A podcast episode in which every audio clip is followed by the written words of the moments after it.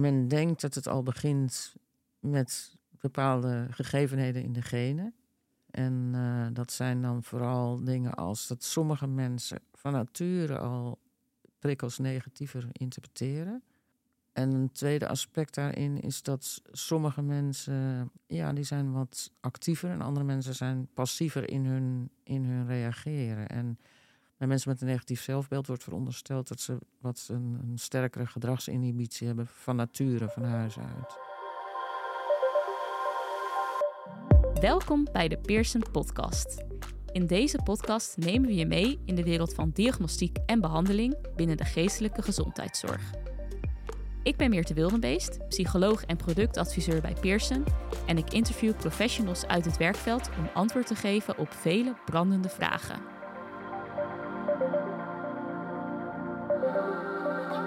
Voordat we verder gaan, nog even dit.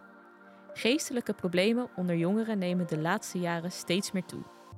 De Back Youth Inventories bestaat uit vijf korte vragenlijsten voor kinderen en jongeren.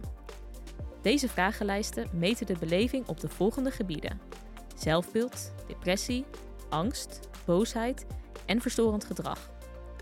De vragenlijsten van de Back Youth Inventories kunnen zowel samen als afzonderlijk van elkaar worden afgenomen. Kijk voor meer informatie op www.pearsonclinical.nl/podcast.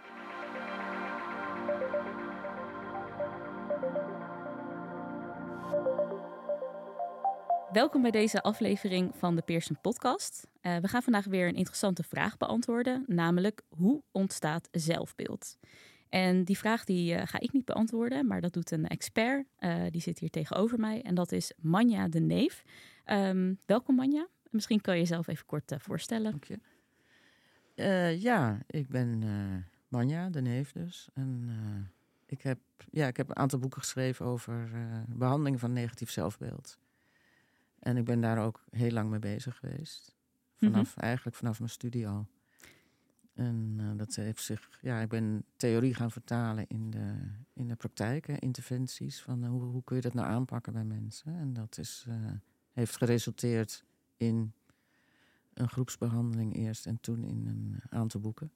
Oké, nou ja? dankjewel. Dus ja, je bent wel een echte expert eigenlijk op het gebied van, uh, van zelfbeeld. Ja, kun je ja. wel zeggen. Ja, ja, precies. Nou, hartstikke leuk dat je, dat je er bent. Ja. Um, nou ja, de hoofdvraag hè, die we vandaag gaan beantwoorden, dus hoe ontstaat zelfbeeld? Uh, daar heb ik eigenlijk een eerste vraag bij, namelijk, ja, wat is zelfbeeld überhaupt? Hoe kan je dat definiëren?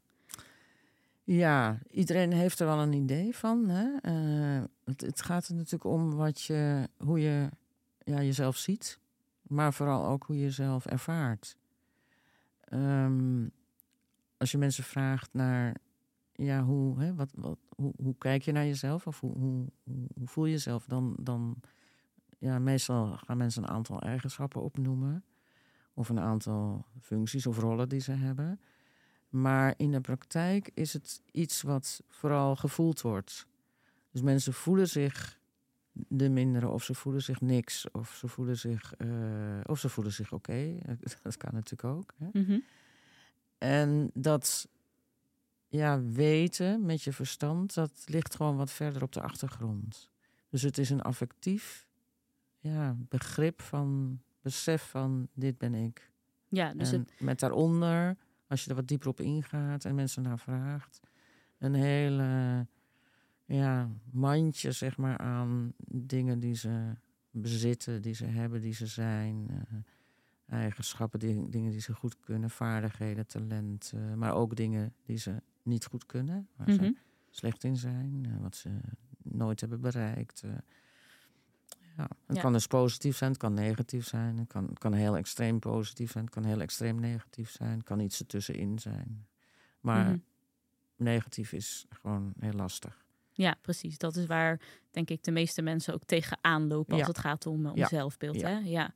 En ja. Um, ja, ik vraag me dan af, als je het concept zelfbeeld hebt, dat is eigenlijk het, ja, het geheel van uh, ja, affectieve ideeën die je misschien ook hebt over jezelf, eigenschappen, nou wat je zelf al noemde. Mm. Maar hoe uh, vormt zelfbeeld zich? Mm. Ja, hoe, ja, hoe ontstaat, ontstaat het? Ja. ja. Ja. ja, dat is een complex van factoren. En men denkt dat het al begint met bepaalde gegevenheden in de genen. En eh, dat zijn dan vooral dingen als dat sommige mensen van nature al prikkels negatiever interpreteren.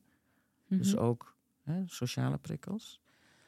Eh, en een tweede aspect daarin is dat sommige mensen, ja, die zijn wat actiever en andere mensen zijn passiever in hun, in hun reageren. En bij mensen met een negatief zelfbeeld wordt verondersteld dat ze wat een, een sterkere gedragsinhibitie hebben van nature, van huis uit. En dus ja, als er in situaties gewoon eerder passief reageren dan, eh, dan actief. En met passief reageren, dan bedoel je eh, ja, terughoudend reageren? Hoe ja, moet je dat zien? eerder vervallen Ja. in vermijding of terughoudend. Of, ja. En dat is Mhm. een aanleg aanwezig en wil helemaal niet zeggen dat dat in je verdere leven niet kan veranderen. Maar er Mhm. lijkt iets te zijn eh, dat in die richting wijst. En wat dus bij een kwetsbaarheid geeft voor eh, het ontwikkelen van een negatief Mhm. zelfbeeld. Ja. En hoe Ja. zit dat ehm, voor mensen met een positief zelfbeeld? Hoe, ja, welke rol spelen genen daarin? Of wat hebben zij ook Ja, dus het omgekeerde. Hè? Dus, Ja. dus meer geneigd om, om prikkels positief te interpreteren. Mhm. En eh, meer geneigd tot een actieve aanpak. Ja. Ja. Dus meer eh, ja, doeners of zo? Ja. Ja, ja oké, ik kan Ja. dat zo zien. Ja. En je, Ik- nou goed, daarna begint het natuurlijk pas echt, zou ik zeggen. Mhm. Eh, want ja, een baby, kind, peuter, hè, ja, krijgt in eerste instantie allerlei prikkels uit de omgeving natuurlijk. En signalen uit de omgeving. En, en krijgt dingen gezegd en hoort dingen, en ziet dingen die informatie geven over hemzelf. En zo wordt dat zelfbeeld gebouwd, opgebouwd. Vanaf een jaar of eh, anderhalf begint dat echt goed. Als het onderscheid, hè, een kind een onderscheid kan maken tussen dit ben ik en dat hè, zijn de anderen. Ehm, en ja, in eerste instantie hangt het natuurlijk echt af van hoe anderen reageren. En ehm, Mhm. dus de omgeving is heel belangrijk daarin. Dus ouders die eh, positief zijn complimenten geven, die eh, ja, maken dat zo'n kind positiever over zichzelf gaat denken. Ja. Ouders die veel kritiek hebben, weinig complimenten of helemaal geen complimenten, die maken dat een kind eerder negatief over zichzelf gaat denken. Ja. Dat is een factor. En dan eh, natuurlijk allerlei dingen als eh, eh, te hoge eisen stellen. hè, waar waar zo'n kind nooit aan kan voldoen. te beschermend zijn, dat is ook niet zo handig. Te Mhm. complimenteus is ook niet zo handig. Want dan kan een kind nooit, hè, raakt nooit Ja. gewend aan dat het af en toe tegen zit. Of dat je af en toe dingen Ja, niet kunt. precies. Ja, want ik vroeg me inderdaad af, kan je dan ooit te positief zijn naar een kind toe? Ja. Maar dat heeft, brengt dus ook alweer risico's met Ja. zich mee. Ja. Dus te positief en te beschermend. Hè? Maar afwezig, afwezige ouders die een kind niet helpen om hè, eh, zich in het leven te, te redden en daar langzamerhand zelfstandig in te worden. Ja, dat is natuurlijk ook eh funest. Nou ja. Ja. en dan natuurlijk misbruik, eh, mishandeling, affectieve verwaarlozing. Dat eh, Mhm. heeft allemaal een negatieve invloed. Ja, dat kan ik Ja. me goed eh, Ja. voorstellen. En eh, nou, je, je noemde dus hè, de rol van de genen en de rol van de omgeving. Ja. Ehm, ja, en welke rol spelen, want je kan misschien genetisch een aanleg hebben voor het ontwikkelen van positief zelfbeeld. Ehm, en daarnaast een, ja, ouders hebben die complimenten geven, maar niet te veel. Dus precies goed doen misschien. Ja.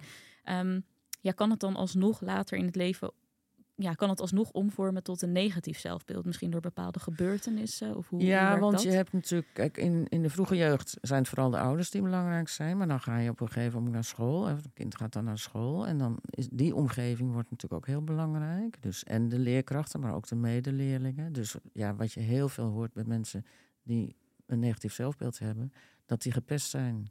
Hè? Of op de basisschool of op de middelbare school. Dat is natuurlijk is- gewoon funest. Hè? Als, Ja. als je steeds maar te horen krijgt, je bent niet goed, je mag niet meedoen, je bent niet goed. Of gepest door scheldwoorden, eh, negatieve uitspraken. En Mhm. vaak is het helemaal niet zo duidelijk waar het om gaat. Maar zijn de uitspraken gaan over de hele persoon. En niet over een bepaald gedrag, maar over de hele persoon. Ja, wat moet je anders gaan denken dan dat je inderdaad Ja. zo bent. Als dat steeds maar doorgaat en iedereen doet eraan mee. Ja. En er wordt niet ingegrepen. ja, dat is echt... Hè? Dus het beste is heel belangrijk. Mhm. Dan, eh, dus leeftijdsgenoten, dan krijg je een. ehm, dus ik ga maar even chronologisch. Ja, tuurlijk. door. Ja, ja, dat is hartstikke fijn. Dan kom, kom je aan. Meestal is het zo, gemiddeld genomen, dat eh, het zelfbeeld steviger wordt in de loop van de basisschoolleeftijd. Hè, als het zich Mhm. op een goede manier ontwikkelt. Maar dan komen kinderen in de puberteit en dan verandert er zo ontzettend veel. Dus zowel lichamelijk als hè, dat opeens eh, de ouders minder belangrijk worden als bron van informatie, maar dat worden je leeftijdsgenoten. Nou, je, je, je bent net naar een nieuwe school gegaan, hè, van basisschool naar middelbare school. Het is allemaal groter en anoniemer. En eh, je moet daar maar, maar je weg zien te vinden. En eh, dan gaan ze heel erg vergelijken met, met anderen. Van hoe Mhm. die, doen die het? Ze mogen ook niet te veel uit de toon vallen. Hè. Dus dat is een periode van heel, toch wel grote onzekerheid. En dan zie je dat als de ondergrond qua zelfbeeld niet zo heel sterk is, dat, dat, dat het daar dan echt flink achteruit Ja. kan gaan. Kan je, kan je de puberteit dan misschien zien als een soort ja, kri- kritische of kritieke periode voor Ja. eh Ja. ja. ontwikkelen Ja. ervan? Ja. Ja. En statistisch gezien, zeg maar, over grote groepen gaat het zelfbeeld bij iedereen achteruit. Dus ook bij kinderen met een positief zelfbeeld wordt het ook minder in die Ah, joh. periode, over het algemeen. Mhm. Maar bij kinderen die al een beetje zwak zijn op het gebied van, van zelfbeeld, gaat het heel, helemaal achteruit. Mhm. En dan krabbelen ze vervolgens weer op. Het heeft natuurlijk ook heel veel te maken met of je ehm, ja, fijne, positieve ervaringen meemaakt. Als je een hele rottige jeugd hebt, je hebt een zwak, zwak genstelsel, zeg maar, op dit gebied. Mhm. En je ouders zijn niet heel, eh, heel positief. eh, maar je hebt een hele leuke tijd op school. Dan Ja. compenseert dat. Ja. En het kan, je hoort ook vaak van wel van kinderen die gepest zijn op de eh, basisschool. Dan op een middelbare school komen. Zich als het ware een beetje een andere identiteit aanmeten. Hè? Niemand kent ze nog. En dan een fijne middelbare schooltijd hebben. En dat zijn van die ja, genezende ervaringen Ja. Die eh, kunnen maken dat het eh, ja, weer een andere kant op eh, gaat. Mhm. Dan krijg je natuurlijk een soort dip vaak hè, rond het uit huis gaan. Gaan studeren of gaan werken, eerste baan uit huis gaan. hè, waarbij ook weer, net als in de puberteit, een soort labiliteit is van hoe, hè, hoe gaat het verder en red ik het wel. En, Mhm. hè, dus dat is weer een risicosituatie. En Mhm. dan, nou, als het een beetje goed zit met je zelfbeeld, dan heb je een hele tijd dat het wel eh, rustig is en de goede kant op gaat. Dat je steeds wat steviger gaat voelen en wat beter gaat voelen. En eh, ook bij mensen met een negatief zelfbeeld, wel een rustige periode, kunnen ze wat herstellen van zo'n dip. En eh, dan zijn er in de loop van het leven nog een aantal kritische periodes. Hè, bijvoorbeeld eh, ja, grote veranderingen. De kinderen krijgen hè, meer verantwoordelijkheid, opeens vader zijn of opeens moeder zijn. En eh, dan kunnen oude twijfels ook weer de, de kop opsteken. Eh, of de kinderen die het huis uitgaan, of ontslagen worden, of moeten verhuizen, of zelf gaan verhuizen van de vertrouwde omgeving dicht bij je familie naar hè, een heel Mhm. andere omgeving waar je opnieuw moet ja, invoegen en aanpassen. En, eh, pensioen, met pensioen gaan. Kinderen die de, de, het huis uitgaan, dat zei ik al, dacht ik. Ja. Eh, pensioen gaan. Belangrijk, opeens ja. heel veel en structuur en sociale contacten verliezen. Dus dat is het zelfbeeld wat zwak of wat zwak geweest. Dan zijn dat periodes dat mensen meer risico lopen om weer terug te vallen. Ook Ja. al voelen ze zich dan al een hele tijd goed. Dat, eh, dan zie je van hé, de ondergrond is toch niet helemaal eh, stevig. Nee. Ja. En eh, nou, het is goed dat we het inderdaad een beetje zo chronologisch nu Mm. hebben, hebben nagelopen. Ehm, hè, dus die start van de ontwikkeling van het zelfbeeld, dat begint dus eigenlijk al bij geboorte, zeg je. Ja. En dat ontwikkelt zich door de loop van ja, het leven met een aantal kritieke periodes. Maar kan je ook zeggen van op een bepaalde periode of in- op een bepaalde leeftijd is het zelfbeeld helemaal uitgekristalliseerd. Hè? Dus eh, ongetwijfeld zijn er gebeurtenissen, zoals jij noemt, eh, kinderen krijgen, Mm. eh, kinderen die het huis uitgaan, Mm. et cetera, die daar misschien invloed op hebben. Mm. Ehm, maar kan je dan wel spreken van een ja, bepaalde basis die mensen dan altijd hebben, ja, dat dat zeg maar stabiel is. Kan dat? Ja, maar het hangt heel erg van af hoe, hoe de ondergrond is. Zeg. Als, je, als je al vroeg een positief zelfbeeld ontwikkelt, Mhm. dan kun je veel beter dit soort periodes eh, doorkomen. Ehm, en als, de, als je begonnen bent met een zwak zelfbeeld of met een negatief zelfbeeld en je, je bent daarna daarvan hersteld, zeg maar, dat kan ook door therapie natuurlijk, dan blijft er een zwakke ondergrond die toch makkelijk weer eh, eh, opleeft. Mhm. En dan moeten mensen ook na een therapie moeten ze eh, zich realiseren dat er die risicosituaties zijn, die kritische periodes, waarin ze weer last kunnen krijgen van een heel, neg- een heel negatief gevoel over zichzelf. En zorgen dat ze daar niet van in paniek raken, omdat het hoort bij zo'n ja, wat eh, onrustige periode. En, ja. maar dat zie je wel veel. Dat ze, bij patiënten zie je dat veel. Dat mensen hebben goede, hè, goede therapie, zijn heel erg opgeknapt. eh, gaan weer dingen doen die ze nooit hebben gedurfd. Of die ze heel lang niet hebben gedaan. En dan, ja, toch steekt het heel makkelijk weer de kop op. Dat ze terechtkomen in een, eh, in een eh, sfeer van zichzelf afkraken. En zich Mm. rot voelen. En dan passiever worden. En niet meer dingen gaan vermijden. En eh, tegen dingen opzien en eh, niet het idee hebben dat het ooit nog zal veranderen. Ja. Ja, ja. Ja, dus eh, voor die Ja. patiëntengroep kan ik me heel goed voorstellen dat het heel belangrijk is dat ze ja, zich ook bewust zijn dus van dat Ja. ze een negatief zelfbeeld hebben. Mm, Maar er is, is natuurlijk ook wel een grote groep mensen die dan misschien niet in therapie zijn voor een negatief zelfbeeld. Misschien is het niet zo erg, maar hebben ze het wel. Mm. Ehm, ja, hoe, hoe word je daar als, ehm, ja, als iemand die niet onder therapie is, hoe word, je daar ja, hoe word je daar bewust van dat je dan een negatief zelfbeeld hebt? Want het lijkt me wel heel handig om te weten van jezelf. Ja, natuurlijk door heel veel negatieve gedachten over jezelf. Mhm. En eh, vaak een, een wat negatievere stemming. Hè? Somber, eh, pessimistisch. eh, Mhm. in gedrag. Maar dat merken mensen vaak niet zo goed. Omdat ze dat... Ja, dat hoort gewoon bij ze, vinden ze. Maar wij zien dat wel aan de buitenkant. Mensen die niet zoveel durven, niet zoveel ondernemen. eh, hè? Ze- Mhm. een beperkt eh, repertoire hebben, waardoor ze ook ja, een beperkt eh, leven hebben. En sommige mensen hebben daar natuurlijk volkomen vrede mee, maar mensen met een negatief zelfbeeld, die zijn heel veel negatief over zichzelf.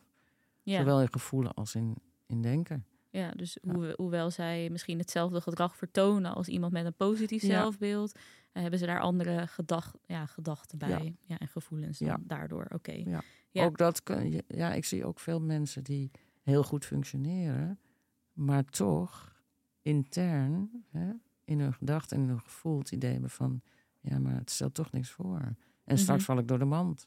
Mhm. Het lijkt wel allemaal mooi, maar dat is het helemaal niet. Nee. Ja, En ik kan me ook voorstellen dat, eh, ja, dat mensen aan de, aan, aan de, de, de omgeving, die ziet dan misschien van, ja, maar waar maak je nou druk om? Ja. Hè? Je ziet er eh, goed uit, je hebt een goede baan, eh, lijkt, het leven lijkt allemaal op rolletjes te Ja. gaan.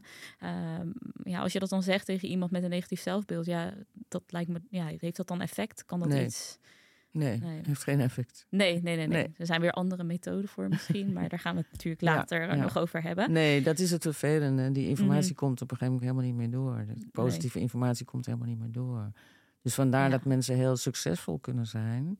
Mhm. Maar als ze bij dat succes iedere keer maar denken van ja, dat is nu, maar straks gaat het mis. En Hè, dan val ik door de mand. En dan zal iedereen zien hoe, hoe weinig ik voorstel. Daar voeden ze zichzelf mee. Ja, En als iemand anders zegt van eh, ja, maar kijk, je hebt dat bereikt en dat bereikt, dat bereikt. Ja, dat komt gewoon helemaal niet binnen. Nee. Omdat zij daarbij onmiddellijk ja, tegenbewijs als het ware in Ja. hun hoofd hebben. En an- andersom werkt het ook andersom dat eh eh, bij wijze van spreken 9 van de 10 mensen zeggen: Oh, kijk wat je hebt bereikt, Ja. alles zo goed.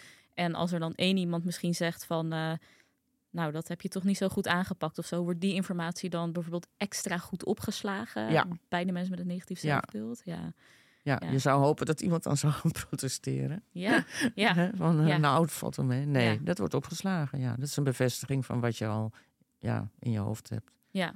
En heeft dat. ehm, Een hele vaste overtuiging is het. En eh, ja. Ja. daar ben je niet zo snel van af te brengen. Omdat, juist omdat informatie past daarbij. Dus negatieve informatie bij een negatief zelfbeeld. Mhm. Dat komt heel makkelijk door. Positieve informatie, ja, die past daar niet bij. Krijg je cognitieve dissonantie. Ja, hoe krijg je dat weg? Door het maar terzijde te schuiven. Ja, En precies. dan voelt het weer goed, klopt het weer.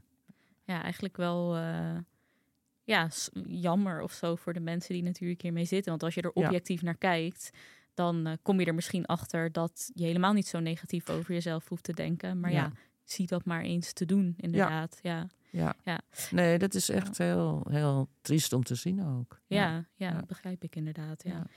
Hey, en ehm, nou, we hebben het nu gehad over nou, positief of dan wel negatief zelfbeeld. Ik vroeg me af, zijn er nog andere ja, varianten van zelfbeeld? Tussenvormen. Ja, tussenvormen of misschien wel hele, ja, hele andere. Ja. Nou, wij gaan ervan uit dat een gezond zelfbeeld, dat die mensen natuurlijk niet alleen maar positief over zichzelf denken, maar ook gewoon realistisch. Hè? Daar gaat het om. Dat je realistisch kunt zeggen van, ja, kijk, daar ben ik wel goed in en daar ben ik niet goed in. En dit zijn goede eigenschappen en dat, ja, daar zijn wat minder goede eigenschappen. Maar ik kan het ermee doen. Ja. Ja. En eh, ik kan niet overal goed in zijn. Dat is mooi. Dat, is, dat noemen we gezond. Niet alleen maar positief over jezelf zijn. Dat is te. Mhm. Eh, en daar leef je ook niet makkelijk door. Maar realistisch zijn en kunnen zien wat je sterke kanten zijn. En ook kunnen zien wat je beperkingen zijn. Maar daar kan je altijd nog aan werken aan die beperkingen. Ja, precies. Oké. Dat is te doen. Ja, nou, dat lijkt me een mooie boodschap om eh, deze aflevering mee af te sluiten. Ja. Dus eh, heel erg bedankt, Manja, voor al je informatie hierover. Graag gedaan. Vond je dit een interessante podcast? Volg dan ons kanaal zodat je op de hoogte blijft van nieuwe afleveringen. En deel de podcast gerust met je collega's als je hem interessant vond. Wil je een vraag insturen of jouw feedback met ons delen? Dan kan dat via pearsonclinical.nl/slash podcast. Daarnaast hebben we ook een speciale actie voor onze podcastluisteraars. En deze is te vinden op dezelfde site, dus pearsonclinical.nl/slash podcast. Tot de volgende keer!